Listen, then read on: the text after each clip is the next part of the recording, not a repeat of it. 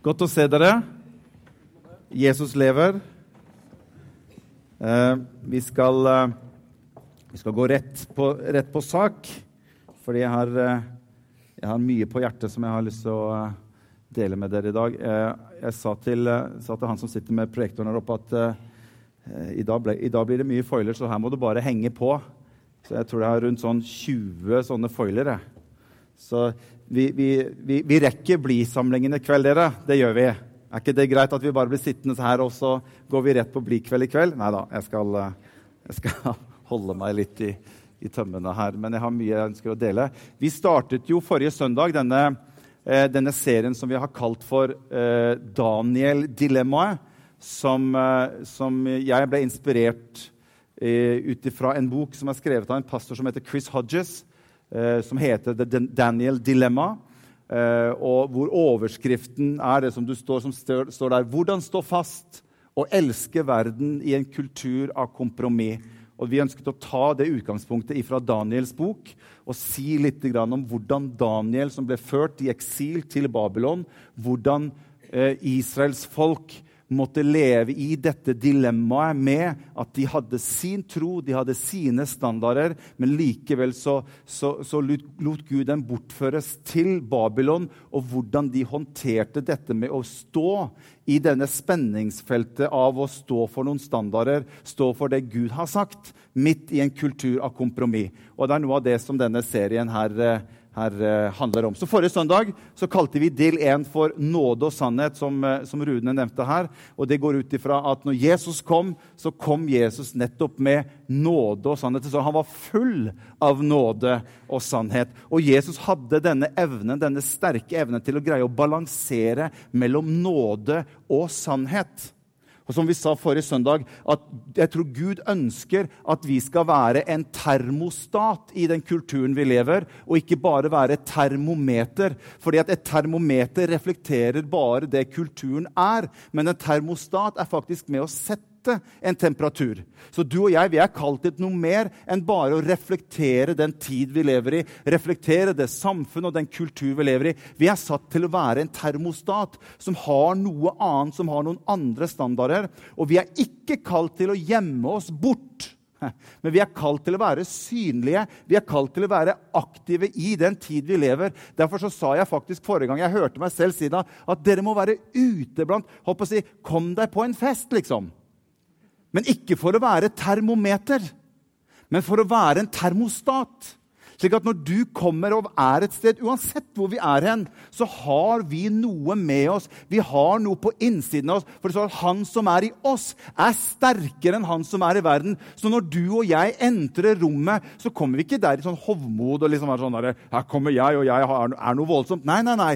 Vi er gode mennesker full av nåde og sannhet. Og vi kan få lov til å være med å bringe noe inn i sammenhenger der vi er. For hvis vi bare blir et termometer, ja, da blir vi bare en refleksjon av den kulturen vi lever i. Men hvis vi er et termostat, og hvis vi er oss bevisst det, så kan vi utgjøre en forskjell i menneskers liv. Og det er det nettopp denne serien er. Det er hvordan kan du og jeg leve i den kulturen vi lever i dag? Og stå fast på det som Gud har sagt, men samtidig elske den verden og den kultur som vi er satt i her i den tiden vi lever. Det er det hele denne serien her dreier seg om. Er du med? Bra. Så Jeg sa også litt om forrige gang dette med at vi kan ha en tendens kanskje, og vi har kanskje hatt det, bevisst eller ubevisst, det, det, er ikke så viktig, men at vi kanskje noen ganger har vært litt sånn at vi har distansert oss litt ifra, ifra si, verden der ute. Vi, vi, vi, vi, distanserer oss. Kan ikke, vi kan ikke menge oss med de, og så blir det litt de og oss. Og så husker jeg vi sang den der sangen 'Hør hvor det stormer der ute'. Men her er det fredfullt og tyst. Det er helt stille her. Det er det, det ordet 'tyst'. Hør hvor det stormer der ute. Ik ikke, ikke vær der, Men vi må heller være her, for her er det fredfullt, her er det trygt, her er det godt, og her er det tyst, holdt jeg på å si, som vi, som vi sang i den sangen. Men jeg, jeg skjønner poenget i sangen. Men hvis mentaliteten til oss som kristne blir at vi isolerer oss i våre skott, så får ikke vi vært det som jeg tror Gud har kalt deg og meg til. Det er nettopp å være en del av den kulturen, selv om ikke vi tar del i kulturen så kan vi få lov til å være mennesker som er der ute, og som er noe mer, og som har noe annet å høre, og som har noe bedre for mange mennesker som lengter etter noe annet i livene sine. Men vi, blir kanskje litt, vi blir kanskje litt redde, vi blir kanskje litt beskjedne, og så tror vi kanskje liksom at ja, det jeg har opplevd, og det jeg har sett, ja, det, det, tror jeg ikke, liksom, ikke andre vil ha. Jeg tror nettopp de vil ha det som du og jeg har fått oppleve. Amen. Og det er det vi ønsker å, å, å, å si litt om i denne, i denne serien her. Eh, jeg har kalt denne del to for Babylon-mentalitet. Eh, jeg har bare lyst til å si litt om, om Babylon. For det er Bibelen eh, Bibelen henviser til Babylon veldig mange ganger. Over 300 ganger så henviser Bibelen til Babylon. Helt fra første Mosebok og til og med Johannes' åpenbaring så skriver Bibelen veldig mange ganger ting om Babylon. I første Mosebok så leser vi om Babels tårn. Og I Johannes' åpenbaring beskrives Babylon på en veldig negativ måte. Så Bibelen har noe mer å si oss om Babylon enn at det bare blir et geografisk sted et eller annet sted nede i Irak. Nei, Babylon er noe mer i Bibelen. Det er, det er en, en, mentalitet. Det er en, det er en ånd som Bibelen ønsker at du og jeg skal være bevisst på og vite om. Nettopp ut ifra den tiden vi lever i. Så bare, bare si meg litt om hvordan Bibelen reflekterer rundt det som har med Babylon å gjøre. Babylon er et synonymt med moralsk forfall. Det er Babylon et bilde på. Babylon er et bilde på å forsøke å sette mennesket i sentrum istedenfor å sette Gud i sentrum. Det er Babylons mentalitet. Babylon, det var alt det som Jerusalem ikke var. Babylon var motsatsen til Jerusalem. Så når judeerne på denne tiden hvor dette skjer, så er jo Israelriket delt i to. Hvor du har Israel i nord, og så har du Juda i sør. Og Israel i nord var jo tatt av asyrerne. Og så kommer, eh, så kommer babylonerne og tar Jerusalem i sør. Og Jerusalem, Jerusalem, som betyr fred, det var jo fredens by. Det var der jødene hadde sitt hjemsted. Der var de der, og der hadde de på en måte denne kontakten med den ene sanne Gud. Og alt det de sto for, det var det babylonerne ikke sto for. I den tiden her som var Babylon det verste, det mest ugudelige, det mest forfalne som en kultur kan, kan beskrive. Det var Babylon på denne tiden her. Så Babylon er noe mer enn bare et geografisk sted. Og israelsfolket, når de levde på den tiden, her, så hadde nok de en tanke om at de var på en måte uslåelige så lenge De hadde jo den ene sanne Gud, Jehova, med seg. Så Israel tenkte at asyrerne de kommer aldri til å greie å ta oss, for vi har jo Jehova med oss. Eller egypterne. De får ikke tak på oss. Eller filisterne. De kan bare sende så mange Goliater de vil. Så lenge Gud er med oss, den ene rette, sanne Gud, så er vi uslåelige. For han er den største guden, og han er på vår side. Så du kan tenke deg hvordan israelsfolket, eller judeerne, opplever når dette skjer ca. Sånn 580 år før Kristus, når babylonerne av alle kommer inn og tar Jerusalem. Det var det mest forferdelige som kunne skje. Det som ikke skulle kunne skje, det hadde nå skjedd. Og Israels folk er, er i sjokk over det som har skjedd. Babylon og babylonerne har tatt over Jerusalem. Som er selve motstykket, som er selve beviset på at han vi tilhører, er større og sterkere enn alle våre fiender rundt oss. Og de blir ført i eksil. De blir ført fra Jerusalem. 150 mil blir de fraktet til Babylon, Israels folk. Og de er i sjokk. Og Jeg ønsker bare å legge litt sånn grunnlag for bakgrunn for hva som skjer når Israels folk blir ført inn i Babylon. Og Det er noe av dette som gjør seg utslag i Salme 137. Hvilken mentalitet, hvilken, hvilken stemning som var iblant Kall dem for judeerne. Hvilken, hvilken eh, atmosfære som var i leiren hos disse folket som nå hadde blitt tatt. Tenk deg selv. Det mest utrolige hadde skjedd, det som ikke kunne skje, var nå et fakta. De hadde kommet og overmannet, og vi er på vei inn i fangenskap i det verste sted av alle Babylon. Og det er det som skjer. Har dere hørt om den sangen som het, som het eh, Den ble skrevet på i 1970, 'By the Rivers of Babylon'. Er det noen av dere som husker den? Skal vi synge Husker dere den? 'By the rivers of Babylon' Set down Yeah, we cried when we remembered Zion. Den, den sangen er skrevet ut ifra den salme som vi skal lese nå, den er skrevet ut ifra Israel som blir tatt i eksil ut og blir ført til Babylon. Se hva som står i Salme 137.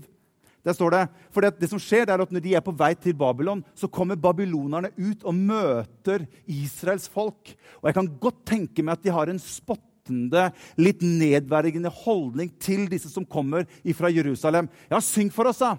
Dere synger jo sånne flotte sanger. Og så ber de israelerne om å synge for dem. Og det er da det står i salmen her, det står at hvordan kan vi synge Herrens sanger på fremmed jord? Glemmer jeg deg, Jerusalem, så la min høyre hånd bli glemt. La tungen klistre seg til ganen om jeg ikke tenker på deg, om jeg ikke setter Jerusalem høyere enn min største glede. Herre, husk Jerusalems dag, da Edoms sønner sa, riv ned, riv ned til grunn. Du datter Babel, som er herjet, salig er den som gjengjelder det du gjorde mot oss. Salig er den som griper dine barn og knuser dem mot berget. Det er stemningen i Israels leir. De sitter der ved Babylons elver, knust. Det som ikke kunne skje, hadde skjedd. Og Holdningen deres er at vi håper at vår Herre kan komme inn og, og, og, og ha hevn på babylonerne. Og midt oppi dette nå vil jeg at du skal følge med, midt oppi dette så er det noe som skjer. For det er ikke alle som hadde blitt ført i eksil til Babylon. Det er en profet som heter Jeremia. Han var ikke ført. Og han skriver i denne situasjonen hvor disse er ved elvene ved Babylon, så skriver Jeremia en profetisk hilsen som han sender i et brev til alle israelerne som er knust. Og Les sammen med meg hva Jeremia skriver for noe. Og Dette synes jeg er bare rett inn i sentrum av det som vi deler sammen her, som har med Daniel-dilemmaet. Her står det så sier herskarenes herre, Israels Gud, til alle de bortførte og så står det noe veldig spesielt. Dem jeg lot bli bortført fra Jerusalem til Babylon.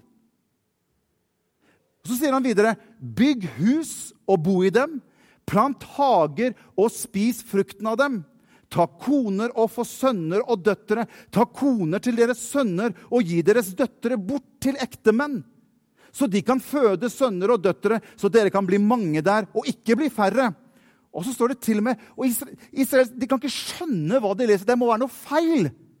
Vi skal jo tilbake der vi kommer fra. Vi skal jo tilbake til det trygge Jerusalem, der vi føler oss hjemme, der vi kan utøve vår religion, der vi kan utøve vår spiritualitet, der vi kan utøve det som Gud ønsker at vi skal utøve. Her må det være noe feil, for det står jo, til og med videre Søk fred! Dette er Jeremia som skriver til Israels folk. Søk fred for den byen dere er bortført til, og be til Herren for den. Ikke snakk om! Aldri i verden om vi skal be om fred for Babylon. Gud, hva er det som skjer? For når den har fred, skal dere ha fred. For så sier herskarenes herre, Israels Gud, la ikke deres profeter og deres spåmenn som er iblant dere nå, forføre dere, og hør ikke på de drømmene dere selv har, for det er løgn de profeterer for dere i mitt navn. Jeg har ikke sendt dem, sier Herren. Det er litt, noe annet du kunne forklart, men jeg har ikke tid til det. Ser du forskjellen i mentaliteten som er i Israels folk? Vi kan ikke synge her. Vi kan ikke være her. Vi, ikke, vi, vi, vi får ikke noe ut av det her. vi må hjem.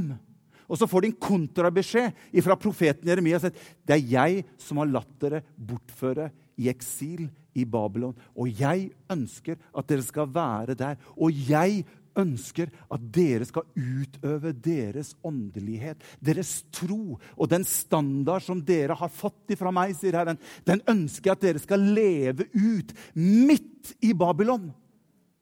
Og det er noe av det som, opp, det av det som jeg opplever. Det er dette vi lever på en måte egentlig du og jeg i dag. Det er, derfor det, det er derfor det står i Johannes, det er derfor Jesus sier i Johannes kapittel 17 og vers 15 For jeg tror det er mulig å stå fast i troen som vi har i våre hjerter, uten å gå på kompromiss, selv om vi lever i en ugudelig kultur. Derfor sier Jesus, 'Jeg ber ikke om at du skal ta dem ut av verden, men at du skal bevare dem fra det onde.' De er ikke av verden, slik som jeg ikke er av verden. Hør, de, Hvem er de? Jo, de er de som har tatt imot Jesus. Dere er ikke av verden, men jeg har plassert dere i verden. Ikke for å isolere dere, ikke for at vi hele tiden må søke til noen fysiske steder der vi kan føle oss trygge og uttrykke vår åndelighet og vår tro og vår spiritualitet, eller kall det hva du vil. Jeg mener at det har med min tro på Jesus å gjøre. Men han kaller oss litt ut ifra det trygge. Jeg har, lagt, jeg har satt dere i eksil.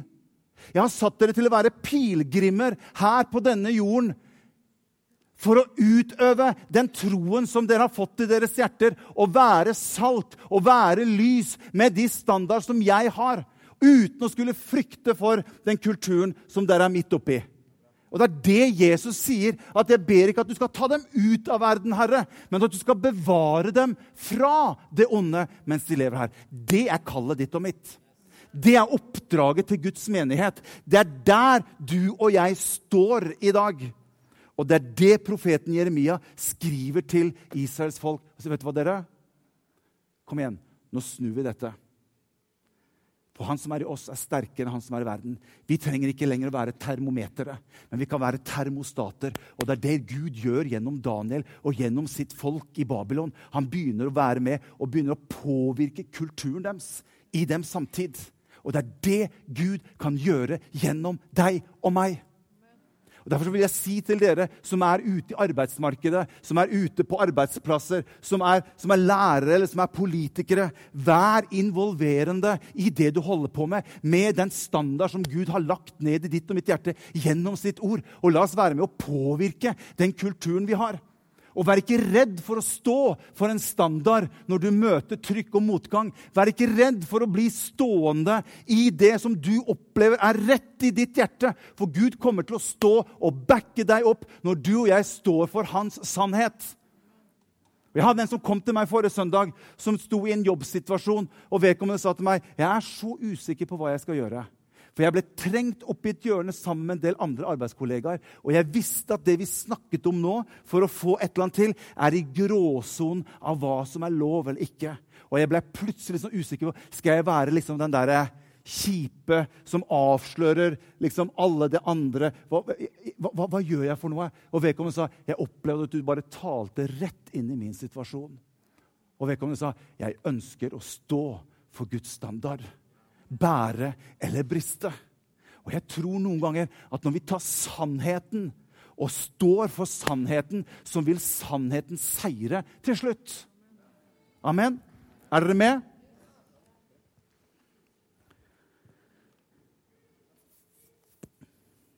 Halleluja. Derfor har jeg skrevet at det er en fellesnevner bak all ugudelighet som er motstridende til Guds standard. Og Det er det jeg ønsker å bare vise deg litt i dag. Og Det er det som har med Babylon-mentaliteten å gjøre. Jeg tror det er, en, det er en ånd bak alt dette som alltid prøver å få Gud ned og mennesket opp. Og hør, Det har alltid vært mentaliteten til den onde. Ifra dag én. Den ondes første ønske og hans største løgn er å sette hva Gud har sagt, med et spørsmål bak. Det første han sier til Adam og Eva, det er 'Har Gud virkelig sagt?' Og Med en gang så begynner den onde å manipulere mennesket med at du skjønner, 'Jeg er bare for deg'. Mitt ønske er å ha deg i sentrum. Mitt ønske er at du, du, skal, du, skal, få alt det som ditt hjerte begjærer. Du skal få alt det som du lyster etter. Jeg plasserer deg i sentrum. Ikke tenk så mye på Gud, for han er egentlig bare om seg selv. Han tenker bare på seg selv, men jeg tenker på deg. Det er noe av mentaliteten i den babylonske ånd som ønsker å løfte opp mennesket, og det begynner med fra dag én. Se hva som står i 2. Mosebok kapittel 11 vers 4 skal vi bare lese noen skriftsteder om Babels tårn. Jeg snakker litt fort. Er det greit? Henger dere med? Stakkars tolk, hvis vi har noen i dag. Men uh, det var noen som satte meg forrige søndag. Stakkars tolker. Kanskje derfor det ikke er en eneste tolk å se her i dag. De har bare løpt. Se hva som står i 2. Mosebok kapittel 11 og vers 4. Se, se bare, Merk mentaliteten. Kom, la oss, oss mennesker, la oss bygge oss en by og et tårn som når opp til himmelen, og skaffe oss et navn. Det er mentaliteten til Babylon. Og så står det videre i vers 10.: Derfor kalte de den Babel. For der forvirret Herren hele jordens språk. Og derfra spredte Herren dem ut over hele jorden. Vet du Ordet Babel eller Babylon vet du hva det betyr? Det betyr forvirring. Så denne mentaliteten som den onde står bak, skaper forvirring. Derfor så tror jeg at når mennesket ikke følger det som Gud har forordnet, så skapes det kaos. Og vi ser bare symptomer på det over hele verden. Bare ta den skyteepisoden som var New i New Zealand nå. Det er galskap. Hva er dette? Det er mennesker som er forvirret. Det er mennesker som lever i det, det, det er bare symptomer av et samfunn som lever i forvirring og babylonske ånd den skaper kun forvirring i menneskers liv. Man vet ikke til slutt. Hva skal jeg tro på? Hva skal jeg forholde meg til? Hva, hva er sannhet? Hva er ikke sannhet? Og den onde ønsker alltid å prøve å opphøye deg som menneske og prøve å gi deg alt det, og samtidig så vokser forvirringen på innsiden.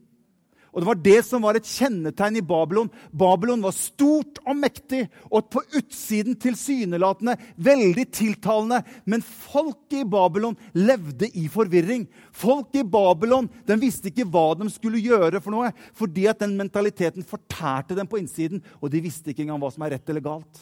Hva skal vi tro på, hva skal vi ikke tro på? Og Det er noe av det den babylonske mentaliteten gjør med deg og meg. Vi trenger Gud. Det hadde vært godt med et lite amen på. Vi trenger Gud, dere. Midt inn i samfunnet vårt og den kulturen som vi lever i. Jesaja 47, vers 8. Jeg må gå litt fort fram her. Jesaja 47, vers 8. Derfor, hør nå dette, du nytelsessyke. Du skjønner, Babylons mentalitet ønsker å gjøre deg og meg nytelsessyk. Nyte. Plassere meg i, i sentrum. Og hør, jeg tror, inklusive han som står foran dere, vi er alltid utsatt i den tid og den kultur vi lever i, av å være berørt av dette, alle sammen. Alle sammen. Se hva som står her. Og jeg, jeg, jeg, sa til meg selv og jeg sa til Herren jeg kommer til å være klar. Jeg kommer til å være i klartekst. No filter i formiddag å snakke om disse tingene her, for jeg ønsker å angripe noe av dette. Og hør, Noe av min tjeneste som pastor er noen gang å belyse noe av dette som berører oss alle sammen, og gjøre oss litt obs på noe av den babylonske mentalitet som du også ser, du kan lese om det i Johannes' ombaring, som begynner å snike seg inn i Guds menighet også. Tro ikke fordi at du står i en menighet, at du og jeg ikke er influert av den kultur som du og jeg lever i. Hoi! Skal jeg nesten le som julenissen? Vi er alle influert av det, mer eller mindre.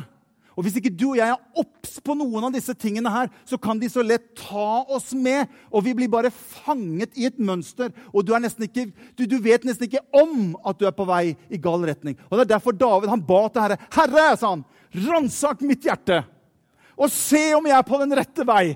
For jeg ønsker å leve et liv, Herre, som ikke gjør at kulturen drar av gårde med meg, og at jeg bare blir så påvirket av den kulturen at jeg blir mer et termometer. Men jeg ønsker å være en termostat. Jeg ønsker å leve nær til Jesus. Jeg ønsker å leve nær til hans standard og stå for det i medgang og i motgang.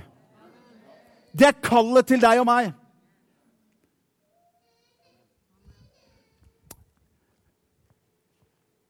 Se hva som står. Skal vi, skal vi en gang til i, i, i Isaiah 47?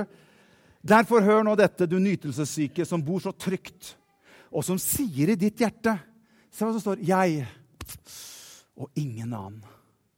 Hæ? Jeg. Har du sett når du tar selfie?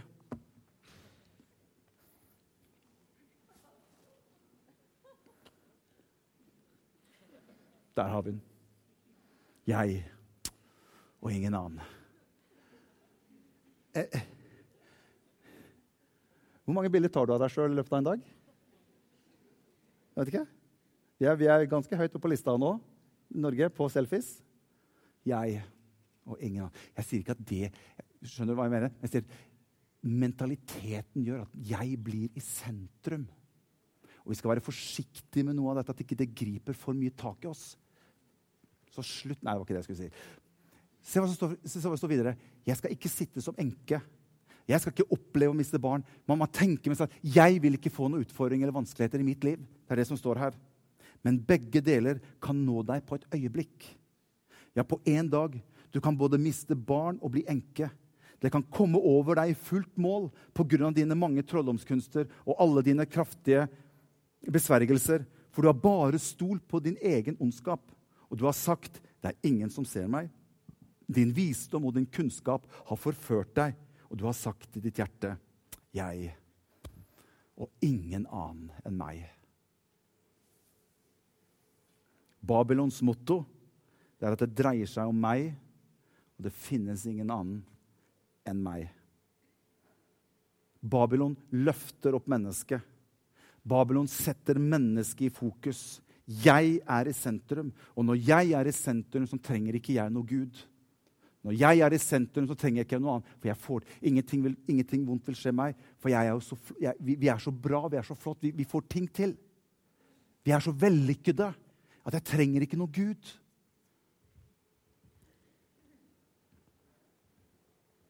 Og Så setter vi dette i feil perspektiv, og til slutt så begynner vi å anklage Gud gjennom denne forførende tanke at jeg har satt opp tre punkter. At Gud elsker ikke meg. For jeg får ikke lov til å leve sånn som jeg har lyst til å leve. Hvorfor, hvordan kan Gud være en god Gud når han kan la de følelsene som jeg har, få lov til å gjelde for mitt liv? Hvordan kan Gud være en god Gud? Hvis ikke jeg kan få leve akkurat sånn som jeg vil, og samtidig så skal han på en måte liksom Så begynner vi å sette oss opp imot Gud. Gud er ikke for meg. Han kan ikke være for meg. For han er jo så vanskelig, denne guden. Han kan ikke være på mitt parti. Fordi jeg plasserer meg i sentrum, og jeg bygger på en måte livet mitt ut ifra meg i sentrum. Og Gud krever for mye av meg. Og når vi løfter mennesket opp, og den mentaliteten samtidig ønsker å senke Gud ned, så begynner vi å stille spørsmål til Gud. Vi begynner å stille spørsmål med hans standarder. Er, vi begynner nesten å tro så godt om seg selv at det var jo jeg som burde ha skrevet standarden etter Gud. Det, det, det, er jo jeg som burde, burde skrevet hans lover. Han, han, burde jo rådført seg til meg. Og vi senker Gud ned, og så løfter vi oss selv opp. Og da begynner vi å få et problem. For vi begynner å sette oss i en posisjon som Gud ikke har kalt oss og satt oss til. Man har satt oss til å leve i avhengighet av Han som er skaperen vår. Og det, hør, Hvis det fins noen som virkelig elsker deg og meg som menneske, så er det han som var villig til å gi sitt eget liv for alle mennesker på jorden. Og, og, og kunne løse deg og meg, sette oss i frihet. Det er kjærlighet, det. Å kunne si at vet du hva, 'det der er ikke bra for deg, men dette er bra for deg', det er kjærlighet. Det er godhet, og det er det vi som mennesker så desperat trenger i den tiden vi lever i. Halleluja. Og Dette skjer også i Daniels bok. Jeg skal gå til avslutning nå. Dette skjer også i Daniels bok med Nebukadnesar. Henger dere med litt til? Nebukadnesar, som er selve ambassadøren for det babyloniske ånd eller mentalitet. Så Når vi går til Daniels bok kapittel 4, så får du se hvordan Nebukadneser, hvor grepet han er av denne ånd, av denne mentalitet i hans eget rike. For det står i kapittel 4, og fra vers 4 se hva som står der. Jeg, Nebukaneser, hadde fred i mitt hus, og jeg nøt lykken i mitt slott. Og rett etter det som skjer her med Nebukaneser, så får han en drøm. Og denne drømmen skremmer Nebukaneser. Og han gjør det slik at han, han inviterer alle spåmenn og drømmetyderne inn til seg. Og så gjør han en liten forandring. Så i stedet for at Nebukadneser forteller hva han har drømt, og ber de om å tyde den, så gjør han det litt mer tricky. Han gjør det litt mer vanskelig. Han sier nå skal ikke jeg si hva jeg har drømt, men dere kan fortelle meg hva jeg har drømt. Og hvis dere ikke greier å fortelle det, så kommer jeg til å drepe dere alle sammen. Det var utgangspunktet for drømmetyderne for å komme fram for, for Nebukadneser. Strenge krav. Og de prøver seg én etter én, og de finner ikke. Til slutt så roper Nebukadneser du, hva, hvor, hvor er han Daniel? Hvor, hvor, hvor, er han som tilhører et annet rike? Hvor er han som har opplevd noe annet i livet sitt? Hvor er han som vi, som, som vi var sammen med her forrige dagen? Hvor, er han eller henne som har noe annet i livet sitt? Be han om å komme. Og Det som er så genialt, det er at Herren hadde vært hos Daniel før han blir invitert inn til Nebukadneser og fortalt Daniel i detalj hva Nebukadneser allerede har drømt. Sånn er det når du og jeg står på det Gud har kalt oss til. Han er med meg. Han er med meg hver eneste dag. Og Gud forteller Daniel hva Nebukadneser har drømt. Så når Daniel kommer inn foran Nebukadneser, og de, si, de, ligger jo overalt, har blitt drept hele gjengen av spåmenn, så ser han rundt seg. OK, Gud, nå håper jeg virkelig at det du har vist meg, stemmer. Og så forteller Daniel Nebukadneser denne drømmen. Jeg så et stort tre som hadde vokst opp, sa han.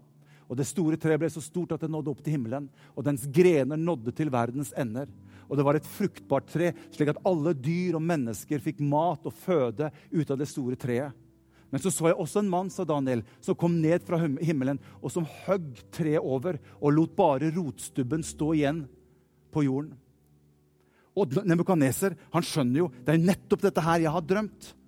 Og så begynner Daniel, og han er tøff. Han sier i vers 22 det er du selv, konge, som har blitt så stor og mektig. Du, Nebukaneser, du er treet. Der står han foran Nebukaneser og uttaler disse ting. Da er du tøff. Da står du for noe. Da backer du ikke tilbake, men da står du for noe som du vet er sant.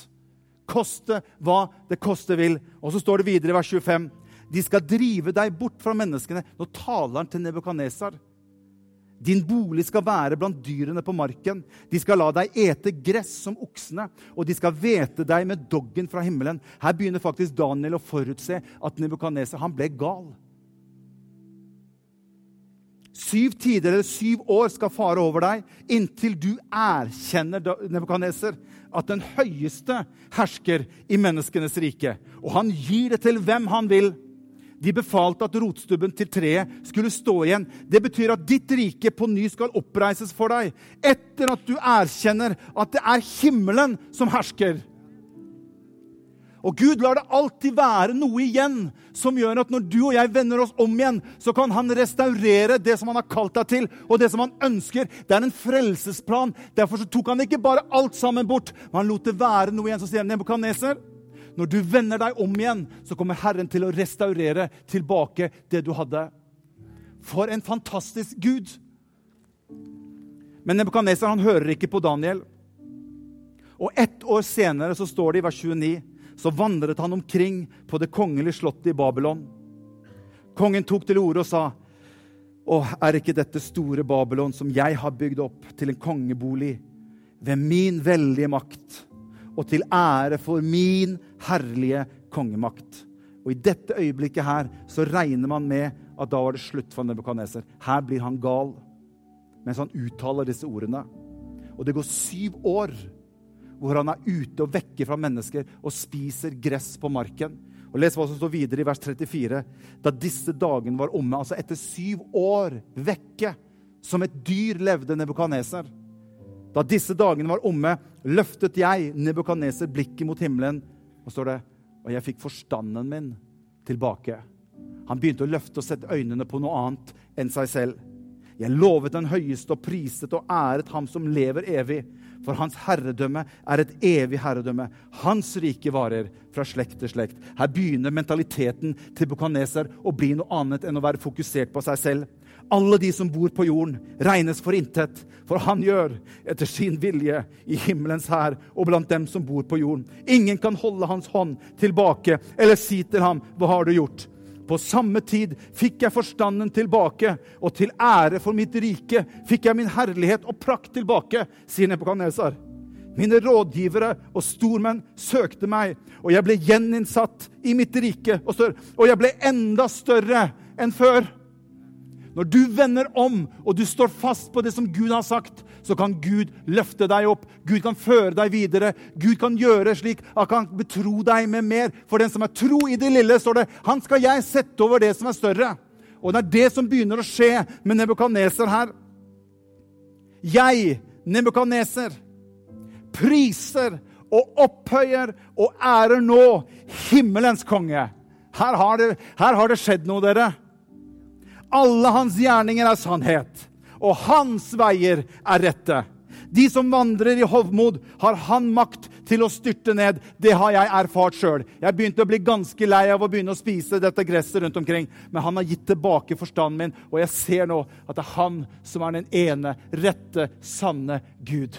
Ut ifra at Daniel var midt oppi det og begynner å påvirke i sin samtid. Det er dette du og jeg er kalt til. Dette er oppdraget til, vår, til oss som menighet. Skal vi, løfte, skal vi reise oss opp, alle sammen? Halleluja. Sanger og musikere kan komme fram, så skal vi synge til slutt.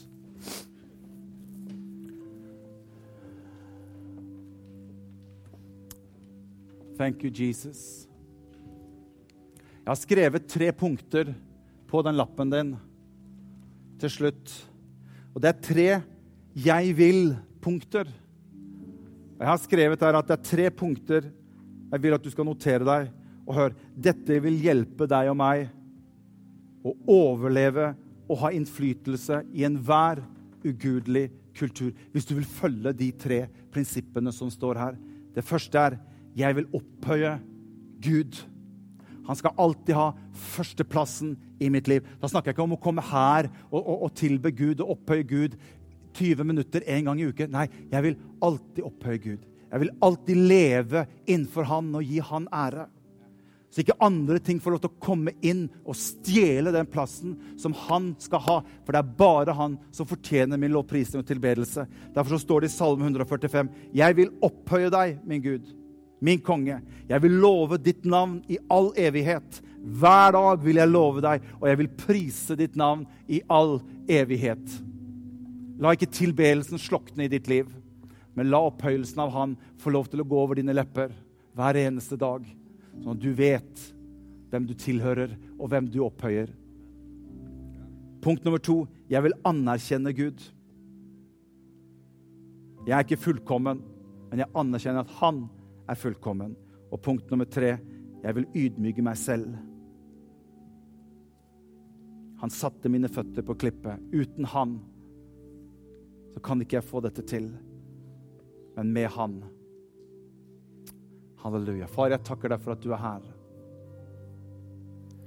Jeg takker deg for at uh, du har kalt oss, Herre, til å være som en velduft i den tiden vi lever, Herre. Jeg ber deg for hver eneste en som er her. Jeg ber deg for alle mennesker, og jeg ber deg for alle arbeidsplasser, jeg ber deg for alle medkollegaer, jeg ber deg for alle klassevenninner, klassekamerater, kamerater, venninner. Alle som er i vår verden rundt oss.